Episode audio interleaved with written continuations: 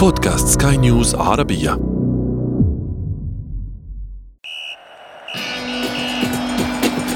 أثير الكرة.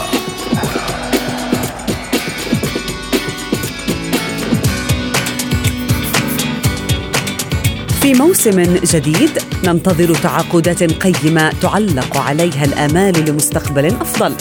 آمال طرحت على شكل مفاوضات داخل الأندية. وسلة من التفاؤل يحملها جماهير اللعبة لتنسى ما حصل في موسم كورونا والمضي قدما لتعويض ما فات من إخفاقات. قضايا ما زالت عالقة ويبدو أنها ستبقى كذلك حتى لو ما بعد انطلاق صافرة البداية. ولكن من منكم سيبقى يشجع فريقه الموسم المقبل؟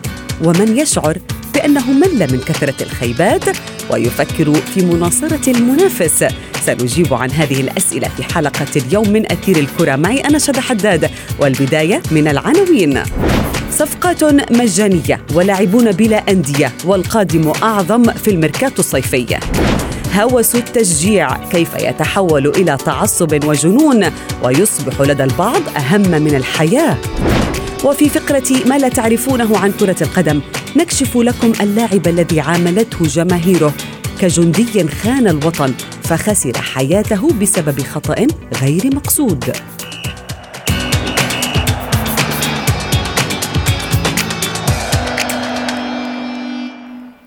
أهلا ومرحبا بكم مستمعينا الأعزاء في حلقة جديدة من أثير الكرة. مستمعينا حلم العودة إلى ملاعب كرة القدم وبصورة طبيعية يراود كل الأندية واللاعبين والجماهير حول العالم. البعض دخل سوق الانتقالات الصيفي بقوة غير متأثر بظروف هذا الموسم، والبعض الآخر فضل أن يتأنى قبل أن يتخذ أي خطوة تعود به إلى الوراء.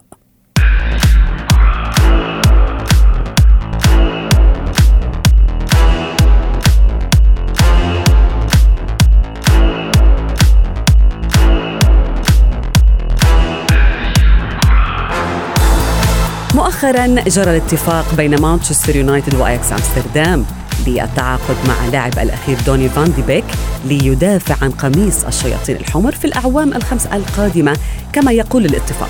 فيما تستمر رياح التغيير في برشلونة بعد مغادرة راكيتيتش إلى إشبيليا واقتراب رحيل سواريز بالمجان.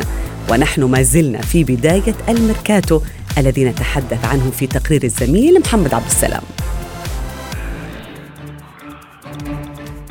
في موسم كروي استثنائي في كافة تفاصيله. تدخل الدوريات الكبرى في أوروبا. ميركاتو صيفي لا يقل استثنائية. تعديلات في القوانين والقواعد بصورة مؤقتة. أدت إلى تأجيل فترة الانتقالات هذا العام للتكيف مع ما تسبب فيه التوقف القسري للدوريات في القارة العجوز بسبب انتشار فيروس كورونا. أندية استفادت ولاعبون أيضا من هذه التعديلات. ولكن أبرز الأندية استفادة وأكثرها تعاقدات حتى الآن في الدوريات الخمس الكبرى هو الكبير اللندني تشيلسي الذي أبرم خمس صفقات ثقيلة.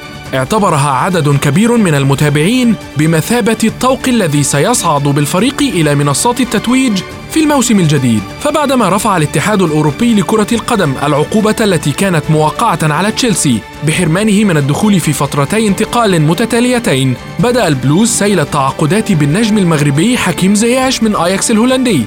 تلاه المهاجم الألماني تيمو فيرنر من لايبزيغ الألماني. ثم ضم الظهير الأيسر بن تشيلويل من ليستر سيتي. ودعم دفاعه بالنجم البرازيلي تييغو سيلفا قادما من باريس سان جيرمان الفرنسي والمدافع السنغالي مالانغ سار من نيس الفرنسي. كما أن النادي اللندني اقترب بشدة من التعاقد مع الموهبة الألمانية الشابة كي هافرتس من بايرن ليفركوزن إضافة إلى رغبة النادي في تدعيم مركز حراسة المرمى بالتعاقد مع الحارس الشاب دوناروما من ميلان الإيطالي. أما القطب اللندني الآخر نادي المدفعجية أرسنال. المنتشي بحصد لقب الدرع الخيرية على حساب بطل الدوري الإنجليزي الممتاز ليفربول. فقد أعلن تعاقده مع البرازيلي ويليان قادما من تشيلسي كما أعلن عن تدعيم دفاعه بالشاب البرازيلي جابرييل ماجالهايس. فيما أعلن نادي مانشستر يونايتد الإنجليزي عن أول صفقاته في هذا الميركاتو بإتمام تعاقده مع لاعب الوسط الهولندي فان دي بيك قادما من أياكس ما يعد داعما كبيرا لمخططات مدرب الشياطين أولي جونار سولشاير في العودة بالفريق إلى منصات التتويج مرة أخرى. وقطب مانشستر الكبير السيتيزنز أعلن تعاقده مع المدافع الهولندي ناثان أكي قادما من بورنموث إضافة إلى الظهير الإسباني فيران توريس. هذا بالإضافة إلى التقارير التي تتحدث عن رغبة النادي في التعاقد مع النجم الأرجنتيني ليونيل ميسي بعد تعقد موقف اللاعب مع ناديه الإسباني برشلونة وإعلان البرغوث عدم رغبته في الاستمرار. وبالحديث عن أزمة ميسي وبرشلونة. فبعد إعلان النادي رغبته في التخلي عن غالبية لاعبيه تهافتت الأندية على التعاقد معهم وكان أولهم الكرواتي إيفان راكيتيتش الذي أعلن نادي إشبيلية التعاقد معه. فيما اقترب الأوروغواياني لويس سواريز من الانتقال إلى الدوري الإيطالي من بوابة السيدة العجوز يوفنتوس. الكثير من الصفقات التي تمت بالفعل والكثير منها في الطريق إلى الانتهاء. ولكن هل سيحمل هذا الميركاتو الاستثنائي لعشاق كرة القدم؟ انتقالات لا يتوقعوها؟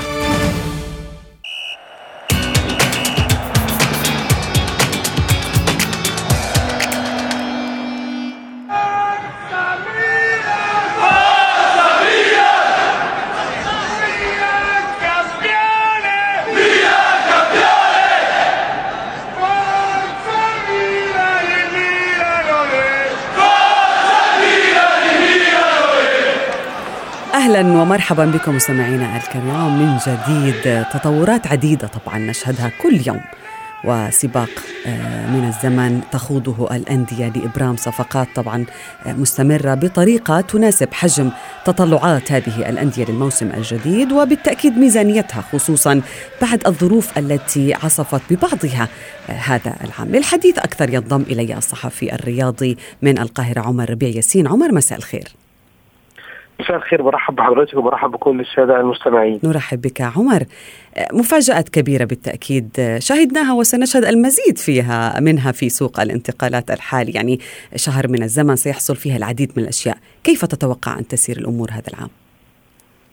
يعني زي ما حضرتك بتتكلمي يمكن في بعض المفاجآت في سوق الانتقالات الصيفي يمكن فرق كتيرة جدا بتحاول تدعم صفوفها الفترة اللي جاية يمكن الكورونا وتأثير الكورونا على الكثير من الأندية يمكن الكثير من ال ال ال الفلوس اللي ممكن الأندية تصرفها على سوق الانتقالات. ولكن لحد دلوقتي في بعض الأندية ماشية بشكل كويس جدا في بعض الأندية الثانية يمكن ما اتحركتش لحد دلوقتي لكن مش عايز أقول لسه بدري لكن في نفس الوقت الوقت بيجري. كل فريق بيحاول إن هو يأمن نفسه كل فريق بيحاول إن هو يتعاقد مع أكبر قدر ممكن من اللعيبة ممكن كمان كل فريق يتعاقد مع أكثر لعيبة.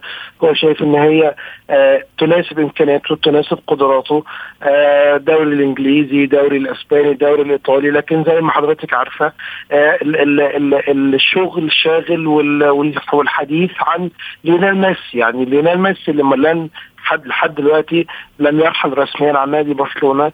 يمكن لو بصينا على السوشيال ميديا هنلاقي إن لعيبة كثيره جدا رحلت عن عن ناديها ولكن لم يتم عمل عدد من من التغريدات والتويتات على السوشيال ميديا زي زي اللي اتعمل مع ميسي. 10 مليون تغريدة لحد دلوقتي من جمهور برشلونة من جمهور عاشقي ميسي. الناس بتطالب إن ميسي يبقى موجود. هل ميسي هيرحل؟ هل ميسي ممكن ممكن يرحل عن برشلونة. إيه هي وايه هي الوجهة القادمة بالنسبة لميسي؟ أعتقد إن دي أكبر المفاجآت. لكن يعني عمر رئيس النادي بحسب طبعا التقارير الصحفية الإسبانية التي ترد كل لحظة يقال بأنه المفاوضات التي جرت بين والد ميسي وبارتوميو رئيس النادي لم تكن مفاوضات ناجحة. والد النجم الأرجنتيني يريد بقائه ولكن بارتوميو مصر على أن يبقى لاعب غير سعيد في نادي اعتقادا منه بأنه هذا اللاعب يشكل النادي بأكمله وهو يريد أن يكون جزء من مشروع كومان. من تؤيد؟ مغادرته أم بقائه؟ هل ممكن أن نشاهد مفاجأة بعد أيام مثلا بأنه ميسي سيبقى في برشلونة؟ هل هذا واقعي؟ بص حضرتك الوضع بالنسبة لميسي زي, زي ما حضرتك اتكلمت يمكن والد والد ميسي وصل مدينة برشلونة اجتمع برئيس نادي برشلونة.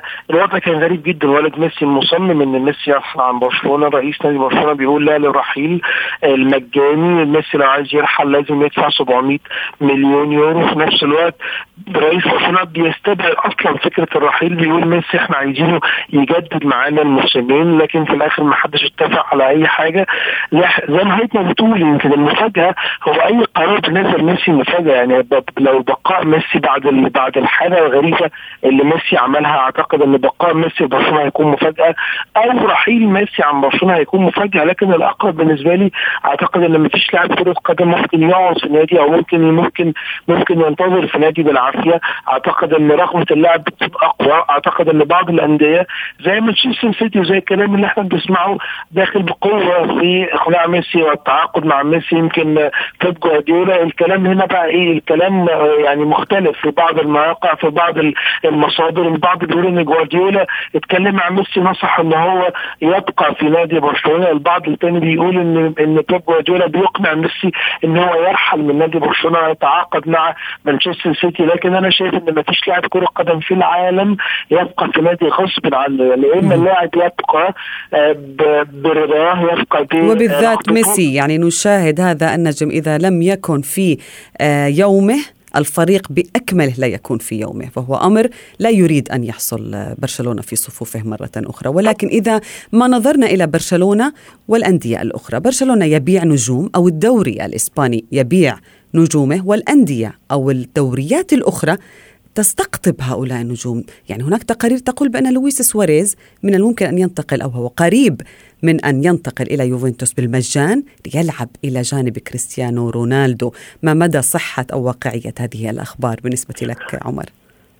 أعتقد زي ما حضرتك قلت يمكن يمكن أول الصفقات اللي انتقلت من برشلونة إلى نادي آخر ودا الإسباني تحديدا هو إيفان راكيتيتش اللي انتقل إلى نادي سيفيا أو نادي أو نادي إشبيلية. يمكن زي ما حضرتك بتقولي كمان سواريز كومان لما وصل لنادي برشلونة اتكلم وقال إن من ضمن اللعيبة اللي هو مش عايزها راكيتيتش ولويس سواريز. بالأخص لويس سواريز اللي زي ما حضرتك بتقولي هو يعني اتفق أو اتكلم في كل التفاصيل اللي ممكن لاعب كره قدم اتكلم فيها مع نادي اليوفنتوس الإيطالي. أعتقد إن نادي يوفنتوس يعني بيشتغل بشكل واقعي بيحاول إن هو يستغل الثغرات يستغل اللعيبة اللي ممكن الثغرات في العقود لصالحه.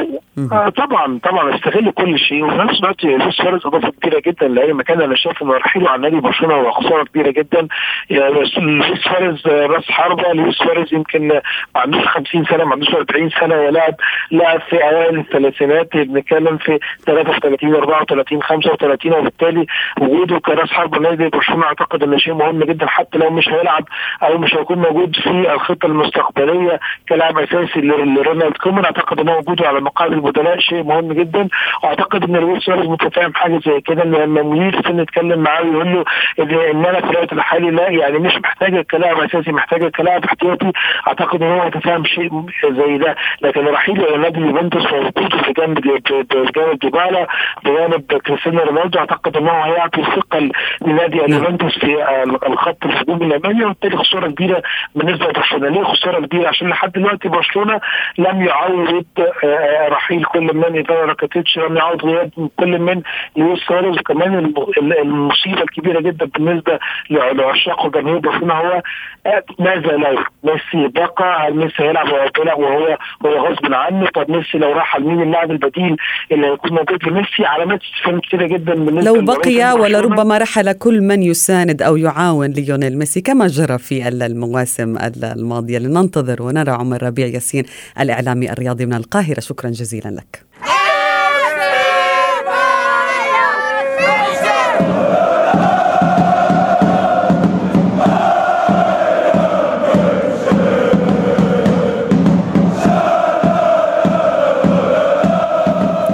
ننتقل مستمعين إلى موضوع آخر في أثير الكرة. هناك العديد من المشجعين حول العالم مقتنعون تماما بأنه النادي الذي ينتمي إليه ويشجعه ويتابع مبارياته هو أعظم كيان في عالم كرة القدم. وذلك لأن هذا النادي أو الفريق يشعر بالسعادة مثلا لتحقيق نتائج مرضية أو أداء ممتع. ولكن أحيانا كثيرة تتحول هذه الأمور وتأخذ طريق أخرى وهي طريق الهوس.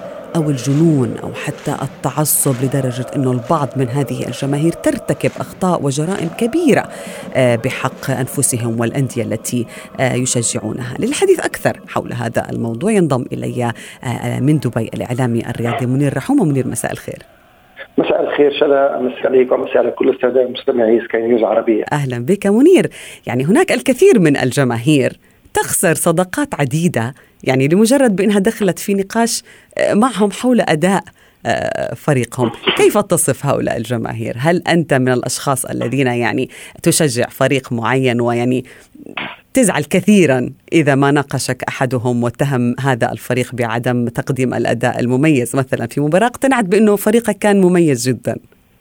نعم. هو صحيح يعني شذا لابد أن يعني نشير إلى أنه ظاهرة التعصب موجودة أصبحت بشكل كبير في عالم كرة القدم على عكس الولاء. يعني لابد أن نفصل بين الولاء للنادي وحب الفريق ويعني يعني تقديم كل الدعم والمساندة لهذا الفريق الذي آه، نحبه وبين التعصب الذي يتحول في بعض الأحيان إلى تعصب أعمى ومن ورائه إلى عنف. فأعتقد هذه الظواهر أصبحت موجودة في مجتمعاتنا خاصة العربية أتكلم. وابرزت العديد من الظواهر الغريبة مثلا ظاهرة الألتراس. اللي أصبحت يعني آه، ظاهرة موجودة في المجتمع وأخذت حتى أبعاد سياسية في بعض الأوقات وبعض الدول. فأعتقد أن الولاء الولاء هو الشيء الجميل بالنسبة في كرة القدم خاصة وهو الشيء الذي يمتع اللاعبين والجماهير بوجود جماهير ومشجعين يساندون هذه الأندية في كنف الروح الرياضية. لكن التعصب والتعصب الأعمى بالتحديد هو من يولد العنف ويخرج طبعا الإطار الرياضي عن سياقه المعروف نعم. يعني بالروح الرياضية. طب ما هي العلامات التي يعني إن ظهرت يكون بالفعل المشجع أصبح متعصب وعنيف لمصلحة فريقه، يعني كيف يمكن أن يتحول نقاش في مباراة كرة قدم إلى غضب وإلى تعصب وإلى إهانات وما إلى ذلك؟ نعم يعني جدا هو الانتماء إلى النادي هذا شيء يعني يجعلنا يعني نتقبل الرأي الآخر ونتقبل الخسارة والفوز. وهذه الرياضه هي رياضة فوز وخسارة. لكن أن يكون التعصب أعمى وأن يكون يا إما يعني إما نادية أو لا أحد أو إما هذا الفريق أو لا غير لا فريق غيره. في يعني دعمي وفي اهتمامي وفي تواجدي وفي فوز الفوز بالألقاب والبطولات. هذا الأمر هو الخطير. يعني شاهدنا الظاهرة هذه كانت موجودة في أوروبا وأفرزت ما يسمى بالهوليكان هذا الجمهور المتعصب جدا لفريقي والجمهور المستعد لممارسة العنف طبعا هم يعتقدون أن بممارسة العنف هم يدافعون عن فريقهم ويسعون إلى الدفاع عنه لكن في النهاية هم يسيئون إلى هذا النادي. وشاهدنا يعني الحكومة الإنجليزية بذلت جهود كبيرة لسنوات طويلة إلى أن تخلصت من هذه الظاهرة من خلال طبعا منع الدخول آه، هؤلاء الهوليجانز الذين عرفوا بالتعصب الأعمى في الملاعب وأصبحت هناك بطاقات إلكترونية معروفة تمنع هؤلاء أصحاب التعصب الأعمى من دخول الملاعب إلى أن شاهدنا في السنوات الأخيرة أصبحت الأجواء أكثر يعني إيجابية أكثر يعني آه، حضور يعني رياضي وتقبل آه، مبادئ الروح الرياضية في الملاعب الإنجليزية. منير يعني في أحيانا نلاحظ بأنه في هناك بعض الأندية أو المسؤولين أو الرؤساء يعني هم أحيانا يبتزون الجماهير، هم يساعدون أيضا في نزع فتيل هذه الأمور والأزمات بين الجماهير. نعم نعم نعم شذا للأسف للأسف يعني هناك بعض الشخصيات الإدارية أو رؤساء الأندية يعني آه، يحاولون استمالة الجماهير وتوظيف هذا الدعم الجماهيري نحو يعني أهداف معينة. وشاهدنا حصلت الكثير من الكوارث حتى في ملاعبنا العربية بسبب بعض التصريحات التي يعني قلبت الجمهور وأخرجت طبعا طاقة يعني سلبية جدا نعم. في في الملاعب. وخسرنا العديد من المرافق الرياضية في الملاعب وتسببت بالكثير من الأمور يعني الخارجة عن نطاق القانون. وهو طبعا هذا أمر مخالف لتشتيت الانتباه يعني الابتعاد عن الخسارة ونتائج الخسارة. بالتأكيد هي هذه التصريحات التي يعني يستغلها الإداريون لتشتيت يعني الاهتمام نعم. بالنسبة للجماهير بدل ان يحاسبوا هم على ما يقومون به أو قبل ذلك نعم. يوجهون الأخطاء نحو مثلا التحكيم ونحو أندية أخرى نعم. واتهامهم باتهامات باطله. منير هناك جماهير تلاحق نجمها المفضل، يعني لو ذهب إلى فريق منافس، يعني نعم. ممكن إنهم يلحقوا هذا النجم إلى الفريق المنافس، هل نعتبر بهؤلاء المشجعين مثلا ممكن إنه نحكي عنهم هواة الأداء وليس هواة النتائج؟ آه نعم موجودة الظاهرة هذه موجودة هناك من يعني يعتبر النجم آه، أهم من النادي. مثلا كما نشاهد الآن بالحديث عن ميسي مثلا هناك أكبر مثال. يعني نعم. بالتأكيد يعني شاهدنا ظواهر غريبة حصلت في الأيام الماضية. هناك يعني آه، أطفال تبكي في الشارع هناك من بعث بآلاف الرسائل لميسي لكي يعني يثنيه عن مغادرة النادي هناك تظاهرات هناك يعني أشياء كثيرة حصلت بالنسبة لجمهور برشلونة الذي لا يرى نادي برشلونة في عدم وجود ميسي. يعتقد أن ميسي هو نادي برشلونة. فهذا الهوس بالنجوم يمكن أن طبعا يخلف في نفس الوقت تعصب تعصب أعمى إلى هؤلاء اللاعبين. ويمكن في بعض الأحيان الأخرى يتحول إلى تعصب ضد وتهديدات نعم. وتهديدات إلى حياة اللاعب الشخصية نعم. وهناك ظواهر حصلت في آه، السابق وتم حتى القتل نعم. واغتيال اللاعبين بعد نعم. مثلا كأس عالم أو بعد تظاهرات أو بعد خروج بسبب خروج من فريق نعم. أو الذهاب إلى فريق غريم يعتبرونه. فاعتقد التعصب خطير وخطير جدا وظاهره غير محبذة في الملاعب سواء العربية أو العالمية. أو العالمية و... أو الأوروبية. نعم, نعم. منير رحومة الإعلامي الرياضي شكرا جزيلا لك.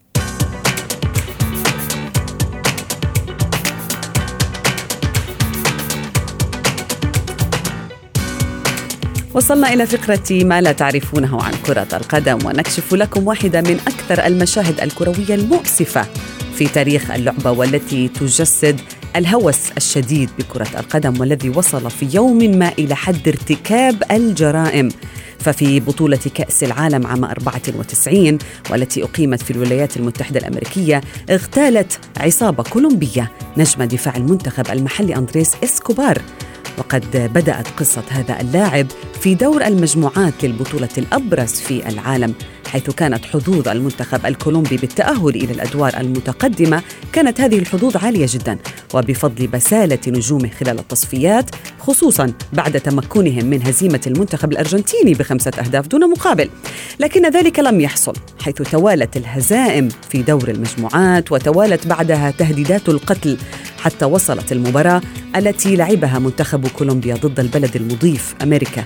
وسجل في اللقاء اللاعب إسكوبار هدفا عن طريق الخطأ في مرماه ليتسبب بخروج منتخب بلاده من الدور الأول لمونديال 94 وحين عادت بعثة كولومبيا إلى بلادها محملة بخيبة الخروج المبكر قام ثلاثة أشخاص بإطلاق النار على إسكوبار الذي كان يبلغ من العمر 27 عاما ليصبح ضحية خطأ لم يكن مقصودا في مباراة لكرة القدم.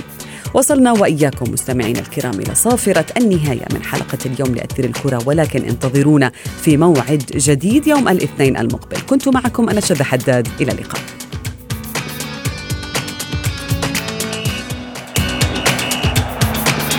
أثير الكرة.